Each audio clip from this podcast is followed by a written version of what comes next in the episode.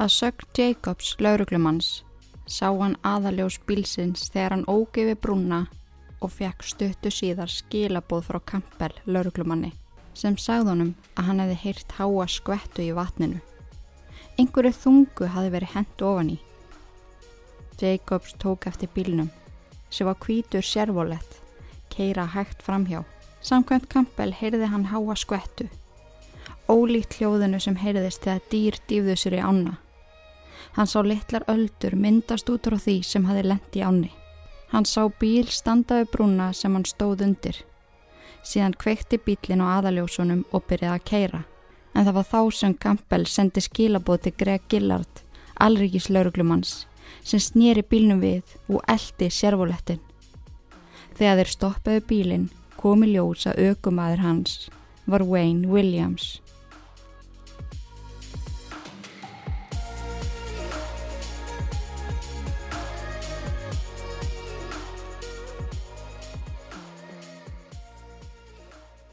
Komið sæl og verið hjartanlega velkomin.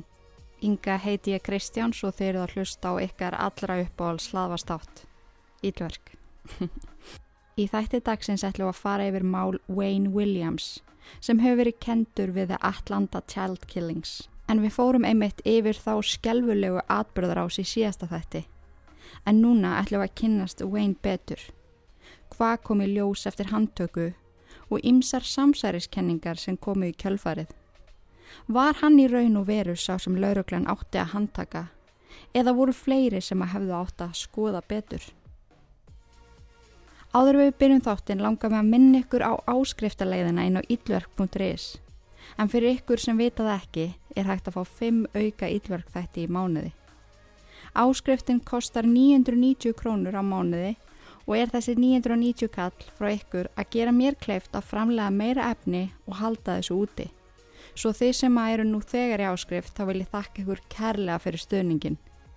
Sumamánuði eins og til dæmis í oktober þegar Halloween gengur yfir voru nýju auka þættir. Þessi fimm vennilu og síðan fjórir sérstakir Halloween þættir. Svo að eru að fá mikið og virkilega vandað efni fyrir öyrin þótt ég segi sjálf frá. Mér langaði allan að minna á þetta, sérstaklega á þessum tímum þar sem okkur vantar öllum eitthvað gott að hlusta á. Ég vonast einnilega til að sjá okkur sem flest í áskrift. Þið farið inn á itlerk.is og smetli á kaupa áskrift sem er staðsett bæði efst og neðst á síðunni. En ok, back to the show. Við skulum kynnast Wayne Williams, the Atlanta Child Killer Petur. Hver var þessi umdeldi maður? Við skulum komast að því. Leggið við hlustir minn kæru, það er komið á sögustund.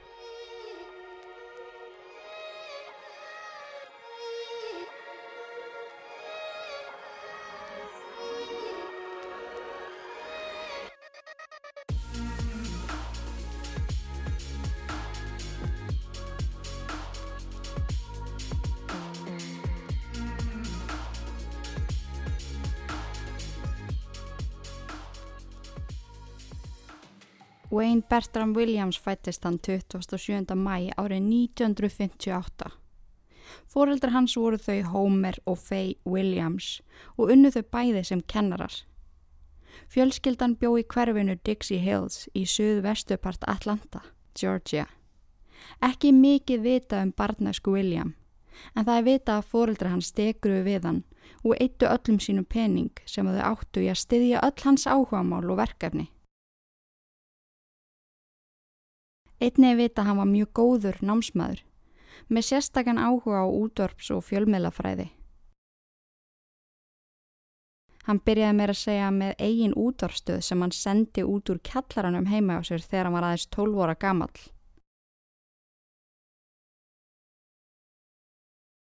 Eftir hann kláraði mentaskóla fór Wayne í Georgia State University þar sem hann reyndi við salfræðinám. Hann átti þó erfitt uppdráttar í því námi og útskrifaðist þar að leiðandi ekki.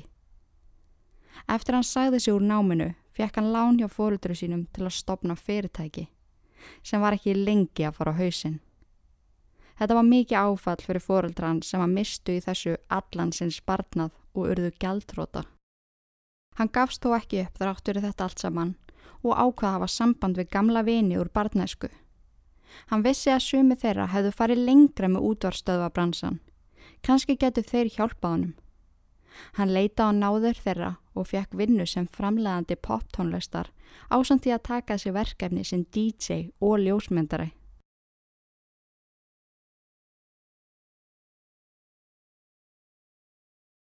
Á þessum tíma var nóg að gera hjá einn því samlega þessum þrem vinnum keirði hann um bæin og bauð ungum mönnum að koma í áhórandapröfur fyrir hljómsveit í stúdju sem hann legði. Wayne var einnig að selja myndbansuptökur og ljósmyndir af slísum á svæðinu, til dæmis eldsvoðum, bílslísum og einu sinni náði hann á filmu myndir af flugslísi sem hann seldi til sjónvastöðva í Atlanta og fekk hann þar ágætist tekjur. Hann heyrði um slesin í ólöglegu lögregluútvarpi sem hann var með í bílnu sínum, sem hann kleift að komast snemma á staðin, stundum jáfnvel á undan lögreglunni. Wayne var handtekinn í fyrsta skipti í mæ 1976 fyrir þær sakir að nota lauruglubúnað í leifisleysi. Þá var hann með blátt blikkandi laurugluljós í bílnu sínum. Sent í desember 1979 var hann aftur stoppaðar á lauruglu sem að fann þá sírenu, þrjú neyðarljós, laurugluskanna, laurugluútvarp og laurugluljós í bílnum hans. Draumur Wayne var að finna næsta Jackson 5 eða Stevie Wonder og koma henn til fræðar og auðvitað fá prósendu fyrir að vera umbósmaðurinn.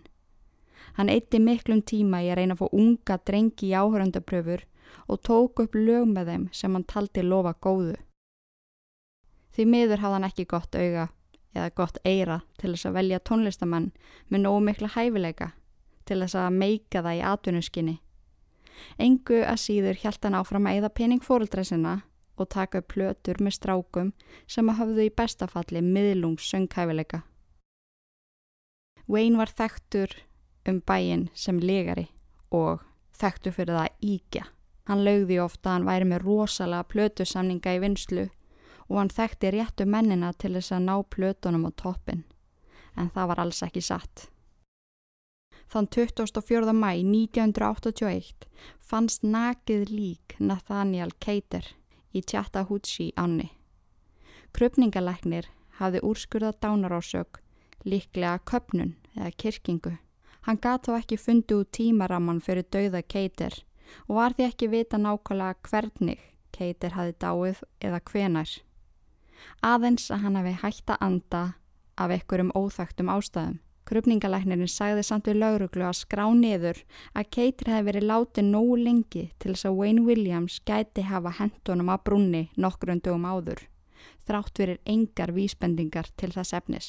Byggt á líkfundunum í ánni og skvettinu sem kom frá brunni álíktaði laurugla að Wayne hafi myrst Keiters og hendunum að brunni nótina sem að þeir hafðu stoppaðan. Það er aðteglisverst að fjögur vitni myndur setna koma fram við lauruglu og segjast hafa sé Keitir lifandi eftir þann tíma sem að þeir stoppuðu og yfirherðu Wayne. Þessum mikilvægu upplýsingum var ekki deilt með lögfræðingum Wayne. Yfirvöld fyldust stöðugt með honum þar til að þeir fengu leitarheimild fyrir heimili hans og bíla. Á mörgum þeim líkum sem að hafðu uppgötast hafði nefnilega verið fjöldi trefja og að þið viti ekki hvað trefjar eru þá er það til dæmis bara ef að þið myndu klýpa í svona loðin púða heima hjá okkur. Þetta er bara í rauninni bara svona lítil bönd úr púðum, teppum innrættökum við bílum og eitthvað svolítið, þetta er kallað fibers eða trefjar á, Ísland, á íslensku. Alrikis lauruglan vildi komast að því hvort eitthvað af trefjónum í umhverju Wayne Williams passaði við trefjarnar sem tekna voru af fórnalömpunum Einni voru nokkur fórnalömp með hundahar á sér, síni af hári frá hundi Wayne var tekinn til samaburðar. Þegar Alrikislauruglan tók Wayne í yfirheyslu án lögfræðings þó grilluðu þeirran um atbyrði hans dægin fyrir atbyrðin hjá brunni. Wayne sagði þeim að hann hefði verið að spila körfubólta í Ben Hill frístundamiðstöðinni fyrir þennan dag og fór síðan heim. Síðdegi sagðist Wayne hafa fengið símtal frá konu sem kallaði sig Cheryl Johnson og vildi fara í pröfu hjá honum. Hún gaf honum símanúmer og heimilisfang og skipilögðu þau að hittast sjö um morgunin daginn eftir. Hann segist hafa verið heima hjá sér þar til hann fór í San Susi Lounge sem er klubbur í Atlanta eftir miðnætti til að ná í segubalstæki. Á leiðinni stoppaði hann á bensinstöðu til þess að ringja í hana en það var á tali. Hann stoppaði og reyndi aftur stuttur setna og það svaraði engin. Í þriðju tilraun segir hann eitthvað hafa svarað en sagt honum að það veri vittlust símanúmer. Eftir það hafi Wayne lagt aftur á stað heim en þá hefði lauruglan stoppað hann á brunni. Það var samt eitt sérstakt ótrúverðugt við söguna hans Wayne.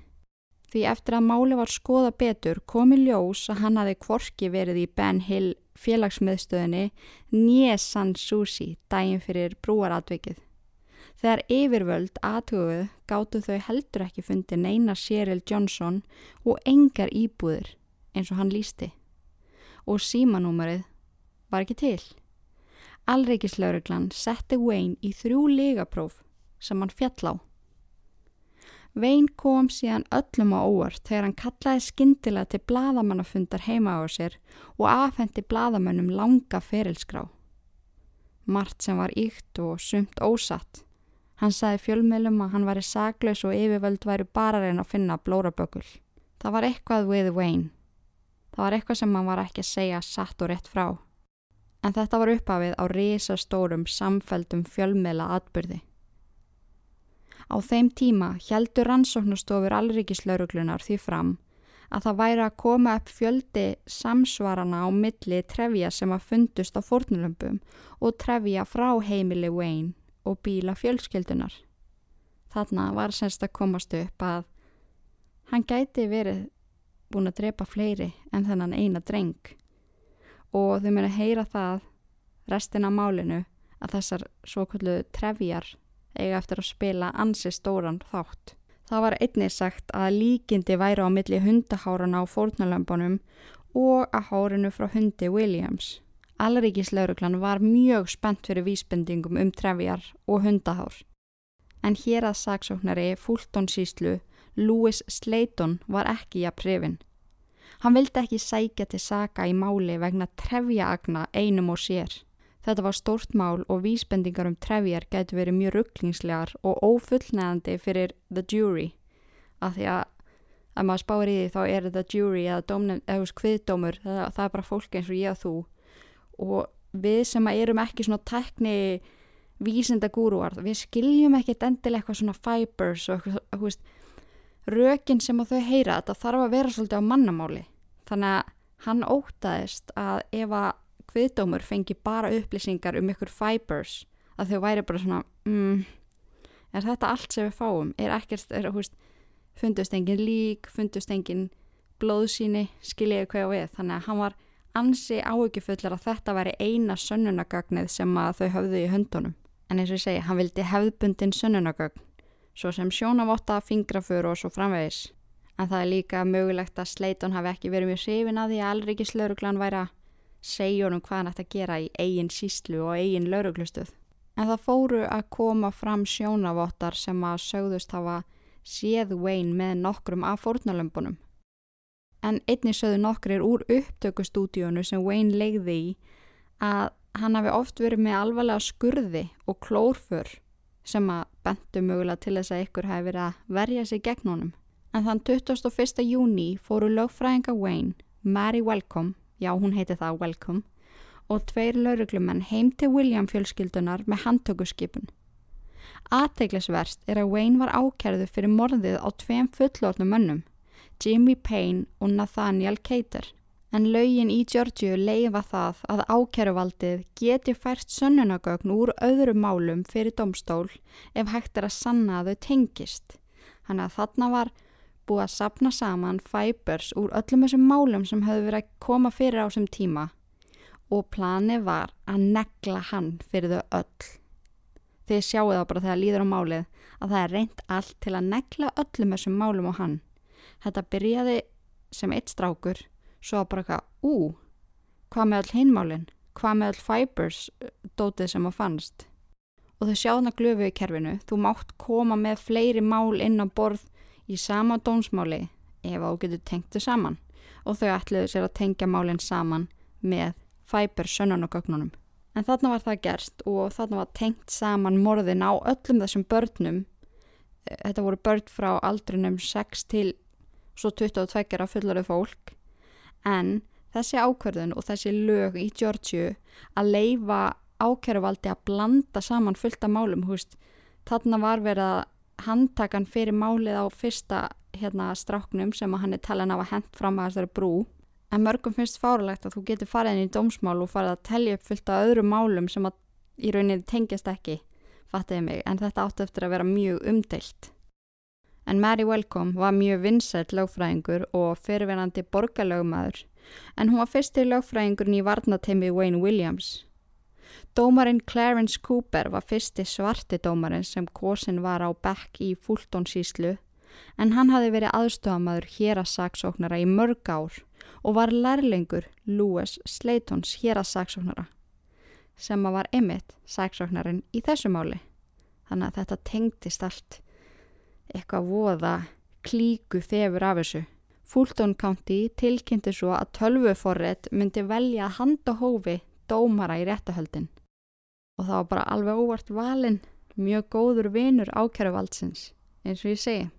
Það var mikill klíku þegar af þessu. En það kom upp mjög umdelt staða í máli Jimmy Payne sem var eitt fórnalampana á þessu tímabili. Það var ekki búið að beintengjan við Wayne Williams en hann var eitt fórnalampana en sá sem að hafði kröfi líkið sagði að dánarásök væru óokveðin og með því er sagt að það er ekki vist hvort að Payne hafi verið í raun og veru myrstur eða hvort hann hafi bara slasað sig eða þetta hafi gæst að náttúruna hendi fattiði mig. Þannig að þetta var talið allt saman mjög óljóst og það stendur í dánarskíslunans og listu á þetta eftir að læknirinn sem var kvítur miðhaldra maður heyrði það að Wayne Williams væri í haldi mögulega fyrir að hafa orðið öllum þessum börnum að bana þá breyttan læknarskíslunni því að hann taldi það erfitt að dæma Wayne fyrir dauða eitthvað sem var ekki skráður sem manndráp. Og hann breytti sér í skjælinu sínu til þess að geta látið lauruglu að fá þessi gögn og tilkynnti eftir það að Jimmy hafi verið mistur, hann hafi allt í hennu núna séða og hann sagði ástæðina fyrir því að það væri búið að breyta dánavott orðinu en það var mjög auðlust og það hafi verið gerst að hann hafi bara aðeins rugglast og þurfti að breyta til og þetta var bara lift og þessu var lift í gegn Þannig að þið sjáu að það er alls konar svona sem kemur upp í málinu. Eitthvað svona sem að meikar engan sens að sé leift, fattiði mig. En áður við höldum áfram að Wayne Williams skulum við heyra nokkur orð frá glæ nýjum styrstar aðla þáttarins. Gjör þið svo vel.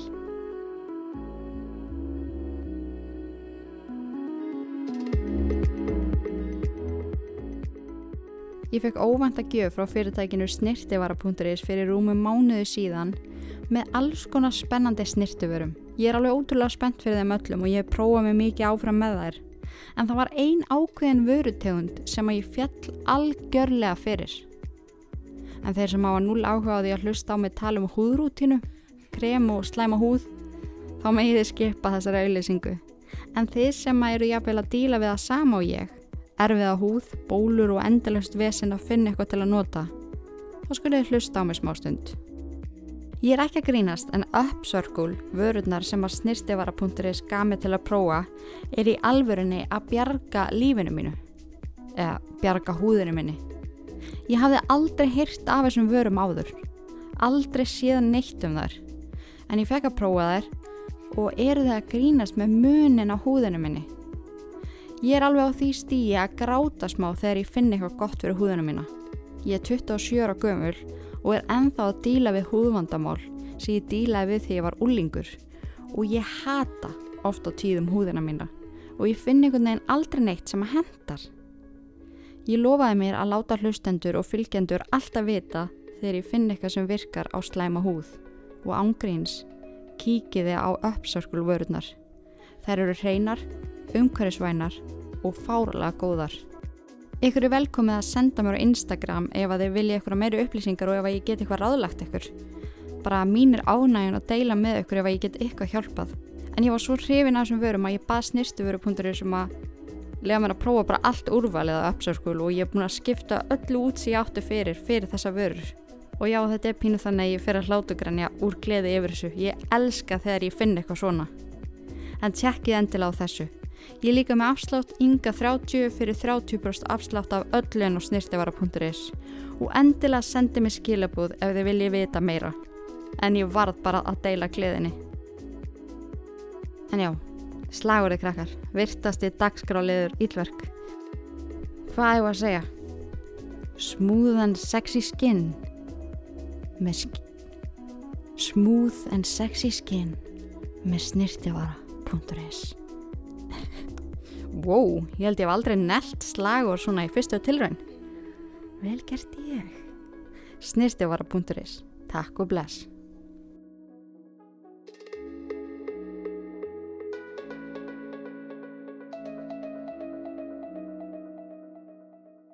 Verið hjertanlega velkomin tilbaka börnin mín. Réttahöldin yfir Wayne hófust hann 28. desember árið 1981.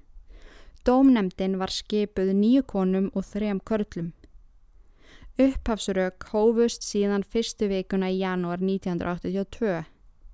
Vörninn var mjög först þegar að koma réttahöldunum vegna fjárskorts og afskaplega ófullnaðandi tíma til að taka viðtöl við hundruðu vittna.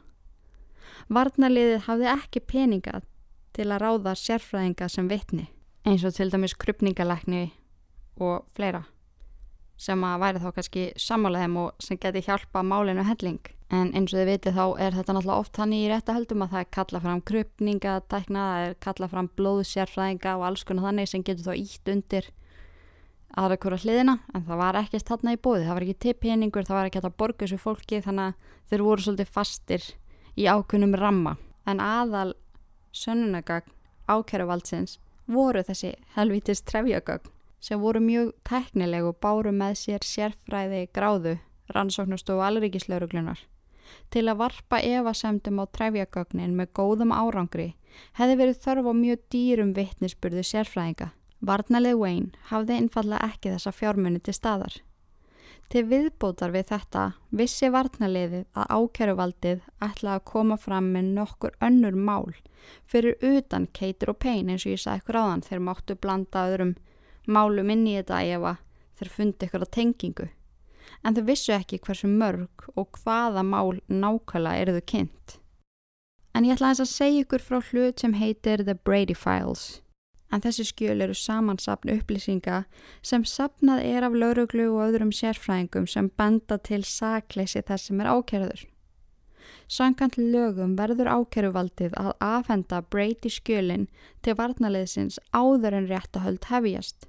Sá sem ákjör að lokum hvað er í breyti skjölunum verður dómari málsins og í þessu máli var það Clarence Cooper dómari, fyrirverandi nemi aðalmanns ákjöruvaldsins.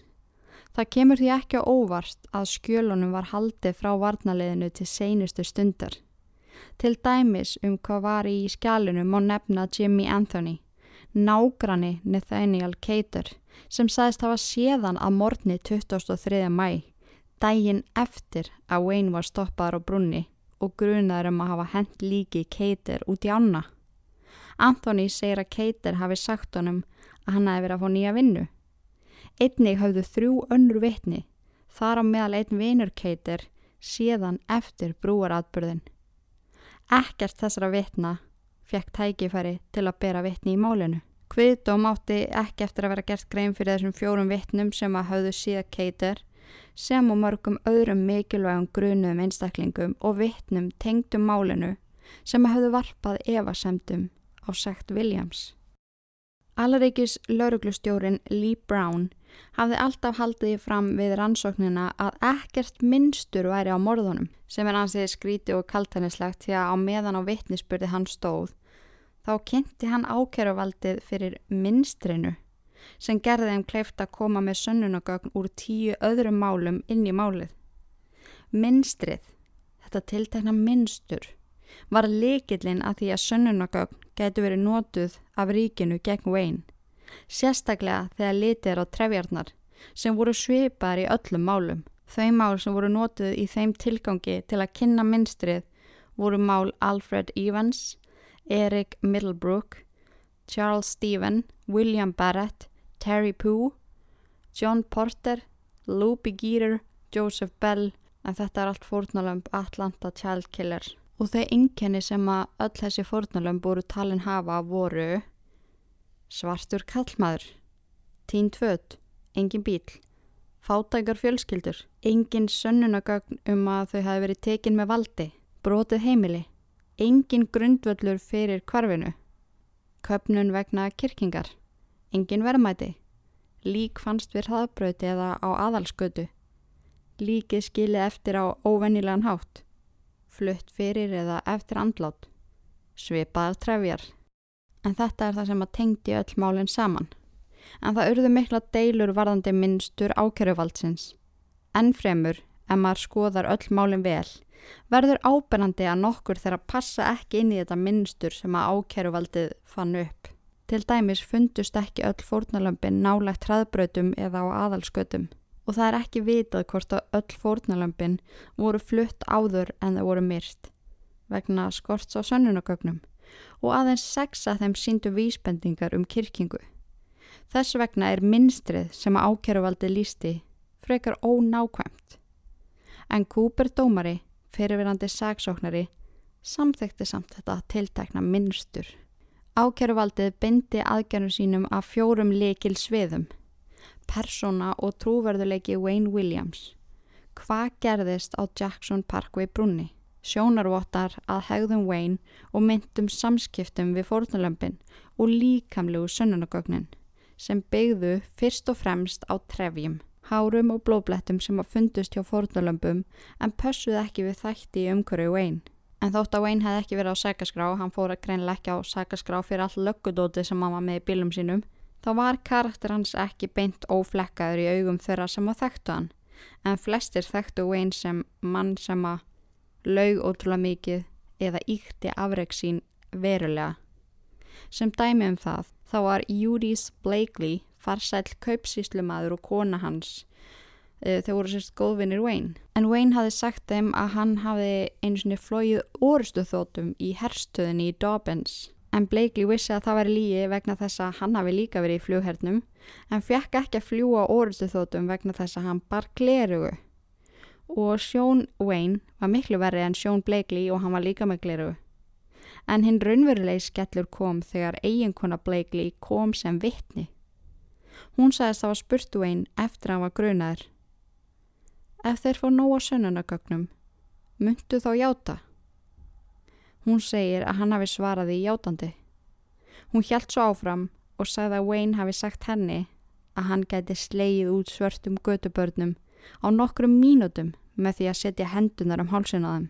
Í kjölfari var hún spurð hvort að hún var að gefa skina að Wayne hafi drepið eitthvað. Þá svaraði hún, já, það er rétt. Ég trúi því að Wayne Williams hafi drepið eitthvað, því miður.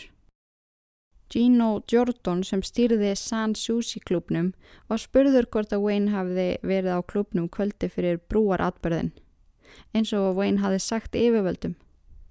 Jordan saði að hann hafi ekki verið kvöldi fyrir heldur tveim kvöldum áður en brúaratbörðin átti sér stað en þá hafði Wayne komið á klubin að sækja segubannstækja sitt. Gjaldkeri klubsinn staðfesti þetta síðan.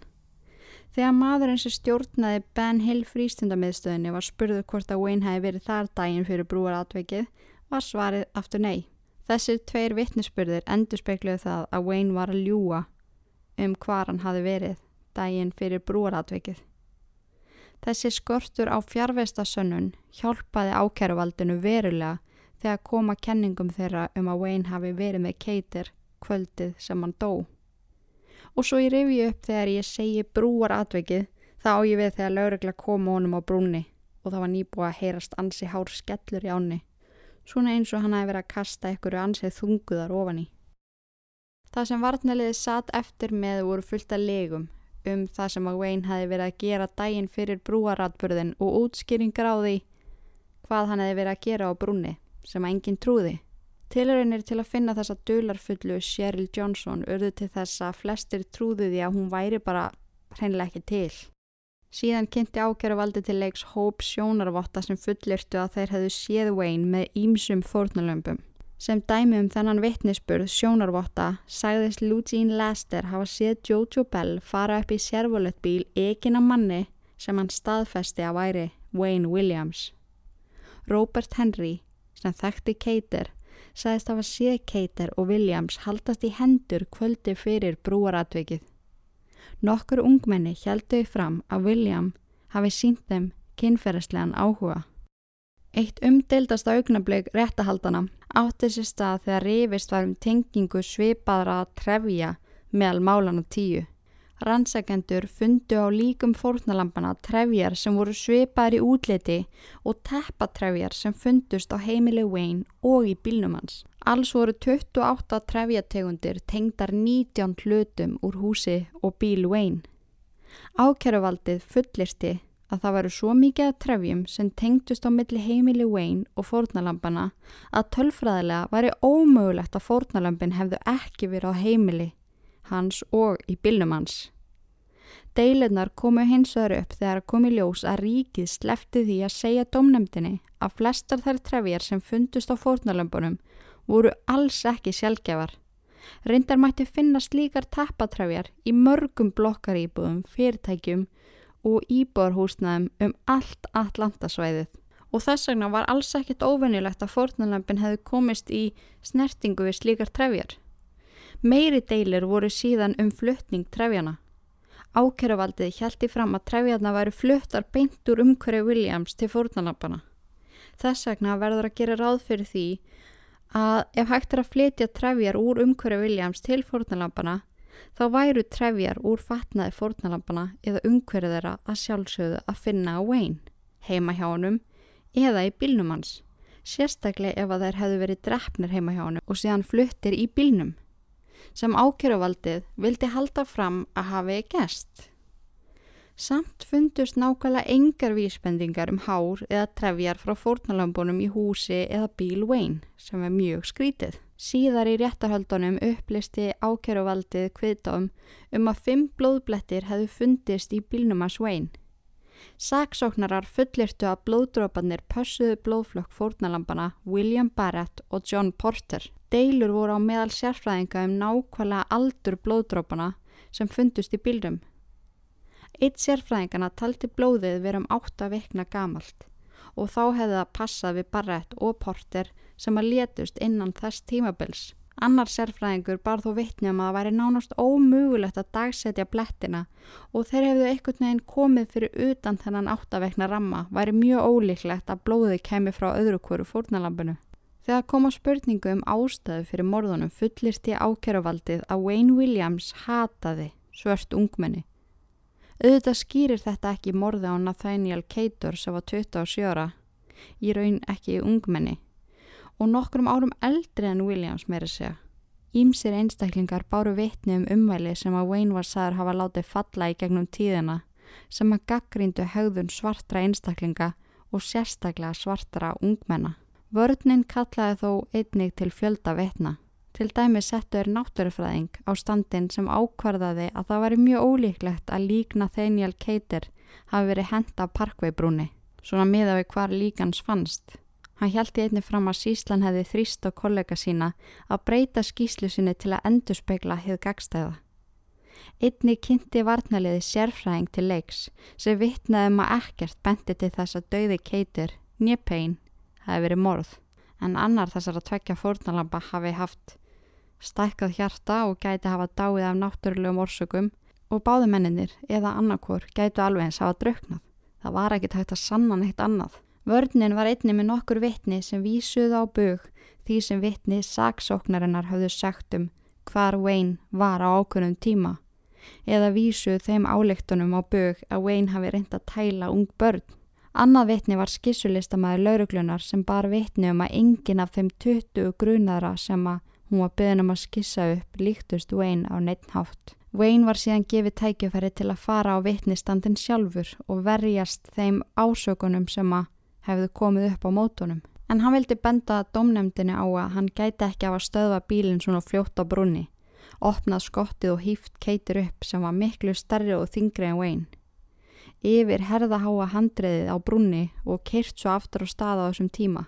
Markmið vittnisspurðar Wayne var þá aðalega að sína domnefndinni að hann hefði ekki skapgerði að fremja morð.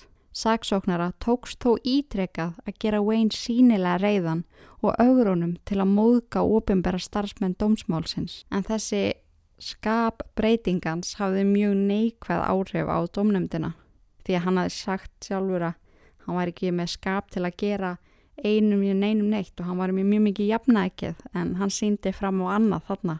Varnalið Williams gata ekki laga skadan sem að koma af þessu, bæði vegna þess hver vel undirbúið mál ríkisins var og hversu lélega undirbúið þeirra mál var. Ákjöruvaldið hafði affendt uh, kviðdóm alveg heilt fjalla af sönnunagögnum og varnaliði hafði ekkert neina ekki neitt. Jafnvel þó að gæði sönnunagagna sem ákjöruvaldið laði fram hafði oft á tíðin verið vafasamt, þá virsti skífulegt magð þeirra yfirknæfa domnemdina eða kviðdóm. Það má líka taka fram að kviðdómur heyrði aldrei efnið sem að var í breytiskjölunum vegna þess hver seint varnaliði fjekk skjölinn, en sönnunagögnin úr þeim hefðu geta breytt niðurstuðu réttahaldana. Saksóknarar heldur skjölunum frá varnaliðinu eins lengi og þeir mögulega gátu og því náði varnaliðið ekki að fara yfir þau nógu snemma til að undirbúa stert mál. Í janúar 1982 var Wayne Bertram Williams fundin segur um morðið á Jimmy Ray Payne og Nathaniel Cater. Hann afplánaði nú tvo lífstíðadóma. Í kjölfar dómsins tilkynnti lauruglan í Atlanta að 22 af morðunum 29 væru leist með þeirri forsendu að Wayne bæri ábyrð á þeim. Áður við höldum áfram skulum við heyra nokkur orð frá styrtaræðalunum okkar Törutryggs.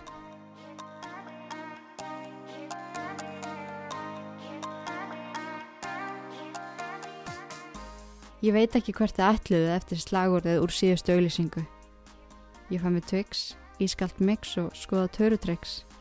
Fyrirtæki hafðu sambandið mig í tonnavís til að fá mig til að vinna með þeim og gera slagur fyrir þau. Bros.is vil gera bóli með slagurðinu, mér að kostnaða lausu og bara brjálega ekki I wish. Ég er að tjóka en öllu gríni sleftu þá fannst mér ótrúlega gaman að heyra hvað þið eru ána með samstar okkar við Törutrex að mörg ekkar hafi sérstaklega sendt á mig til þess að segja mér hvað ég gegja að fá kóða þangað og þið séu mega hrifin af vörunum sem eru þar í bóði þannig að ef að þið eru sátt þá er ég það svo sannlega líka en ég hef auðvitað verið að prófa mig áfram með allt gósið og síðast sagði ég ykkur frá ljósinu og augabrúnagilinu en núna þá verði ég að segja ykkur frá maskaranum frá Wonder 2. En ég er þannig að ég fæ höfuverka af öllum möskurum. Þau þurfa að vera mjög sérstakir svo að þeir virki fyrir mig. Þess vegna var ég sérstaklega spennt fyrir maskaranum frá Wonder því að hann ánú ekki að vera svo fólki flest. Eins og fólki flest? Eins og maskarar eru flestir. Og ég hlusti á þetta. En maskarin er léttur á auknárunum, lengir, nærir og krullar upp auknárin. Þetta er ný tekni frá KF high-tech beauty sem kallast Maxi Curl Technolo Technology. Ok, kann ekki segja það. Technology. Technology, já já já Technology. Og þið trú ekki hvað ég er búin að reyna þetta oft. Vá. En maskarinn inniheldur ólefólju í formúlinni og nærir auknárin og gerir maskarinn léttan á auknárunum hann er actually það nærandi fyrir auknárin að það er ekkert að því að sofa með hann. Jás, það er geggja fyrir letuhauði eins og undir þetta. Ég mæli samt alltaf með því að þrýfa make-up af en ég meina frábort að eiga þennan valmöguleika. Ég fæ ekki þessu skáðunum og hann lengir auknárinn þettir og ég er mega sátt með hann. Og ég er búin að mæla með hann og bókstæðlega við allar konur í fjölskyldunum minni því að við eigum það alla sabælega að fá hausverk á möskurum. Beauty is pain, no more en ég bjótið sérstakt slagur bara fyrir maskaran svona til að fagna honum og tilvistans Wait for it. Makaði á þau mjúkum maskara. Okkur býðið við, þetta er í tveim pörtum. Mjakað, nei, jú, nei. Mak, makaði á þau mjúkum maskara. Augtóftinnar trillast úr tillökun. Törutryggs. Jep, I made that. Kíkja á þetta og nýti ykkur afsláttu minn Inga 25 fyrir 25% afslátt af öllin og törutrex.is Take a bless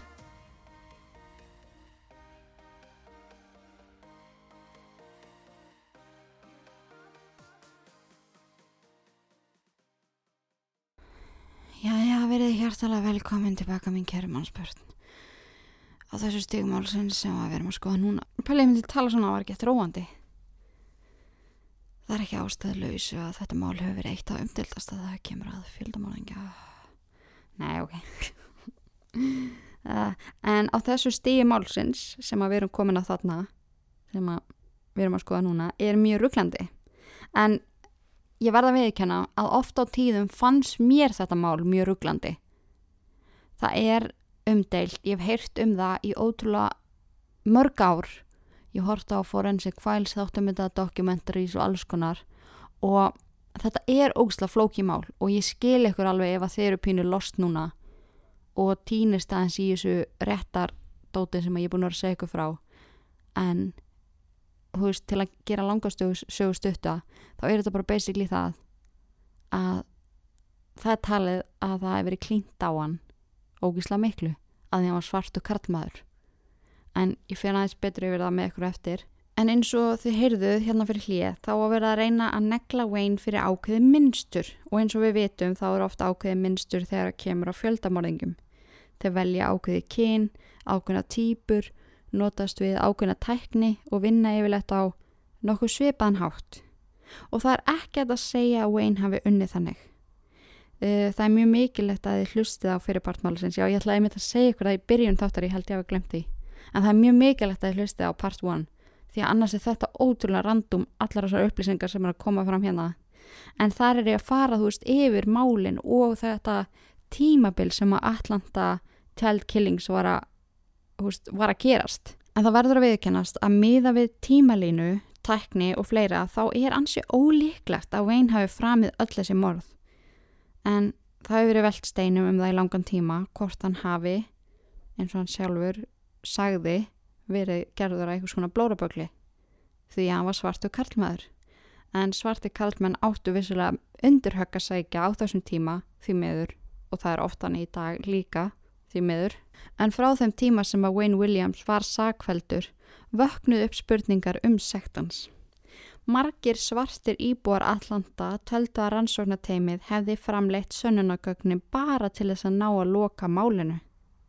Þó að nokkur atriði í málum ríkistjórnar á móti Wayne séu umdelt er staðrindin samt svo að saksóknarar, þá sérstaklega allríkislauruglan, trúði því að Wayne var í segur. Staðrindirnar eru því að enginn var nokkuð tíman vittni að Wayne að myrða eða ræna neinum mikilvægastu sönnunagögnin gegn honum voru mjög tæknilegar vísbendingar um til dæmis þessar trefjar sem aðeins sérfræðingar gáttu skorið út um. Og það var líka bara þannig að Wayne var sinn stæsti óvinnur. Hann kom ekkert en aldrei með trúverðu og ástæfi fyrir því að vera á brunni, svona snemma morguns og fjárvestasönnun hans var auðvitað afsönnuð að því að númerið hjá sér konu og heimilsvangi var ekki til.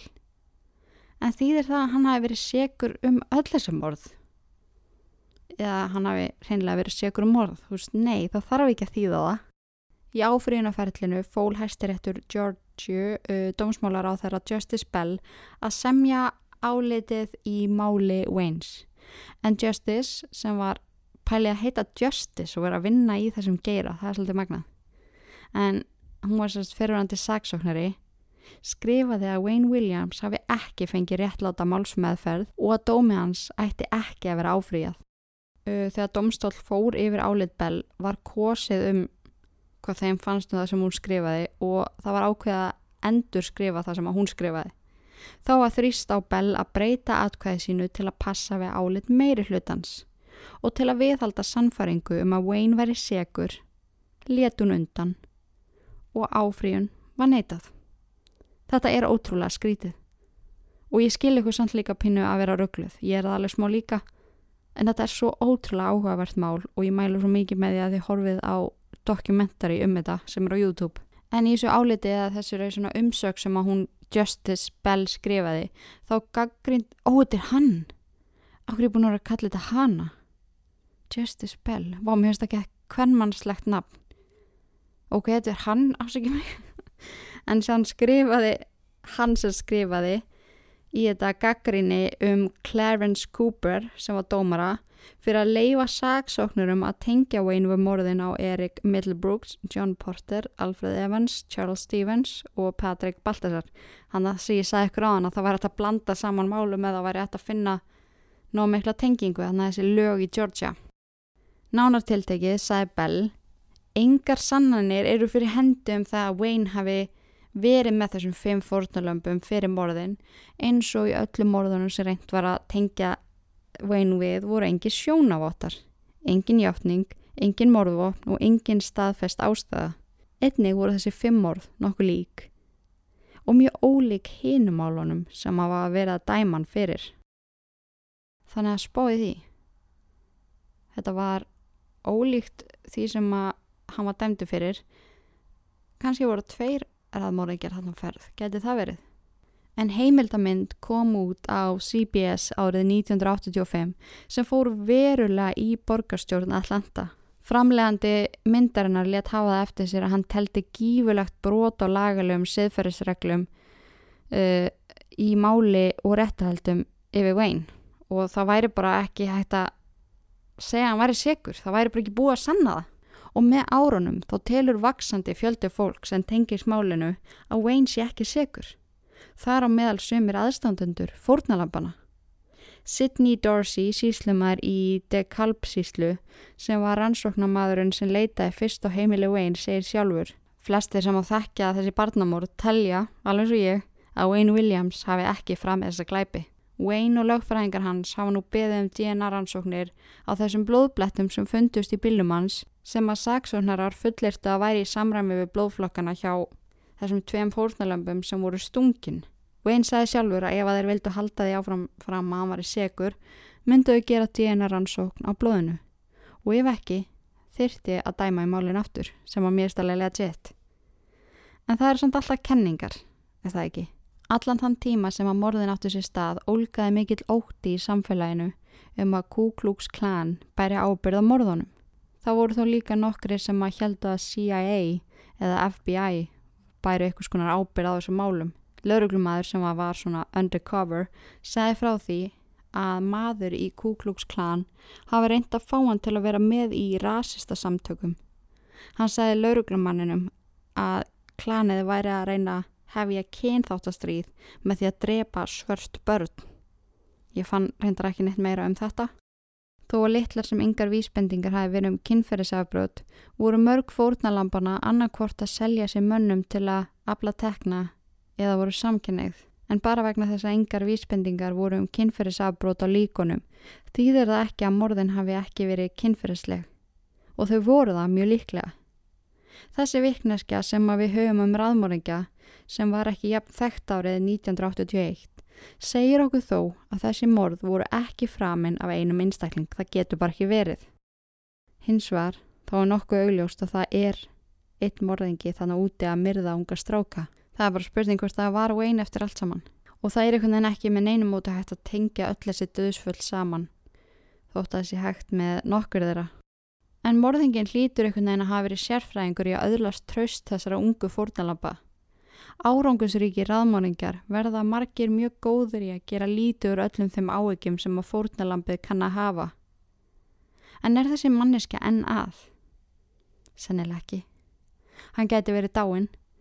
Þessi glæpir hófust í upphafi alnæmisfaraldusins og morðingin geti hafi verið fórnalamp þessa sjúkdóms.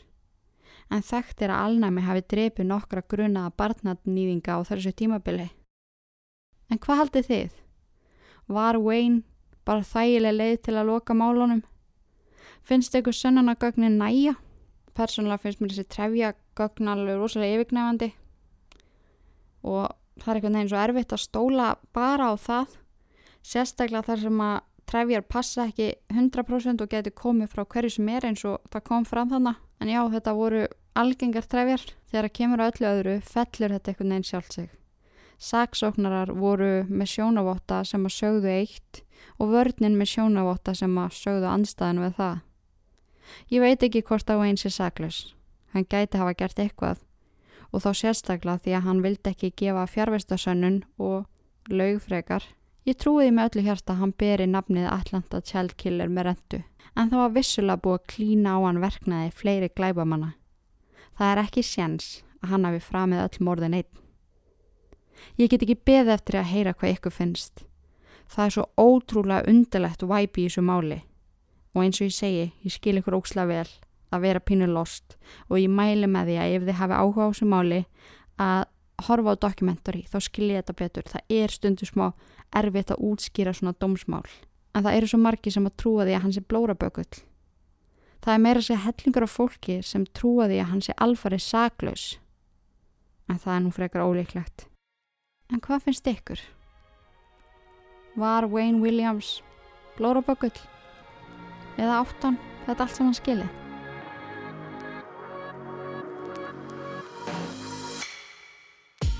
Takk fyrir að hlusta, takk fyrir að vera til og í guðanabænum forðist öll ídverk nema þetta podcast. Verið sæl.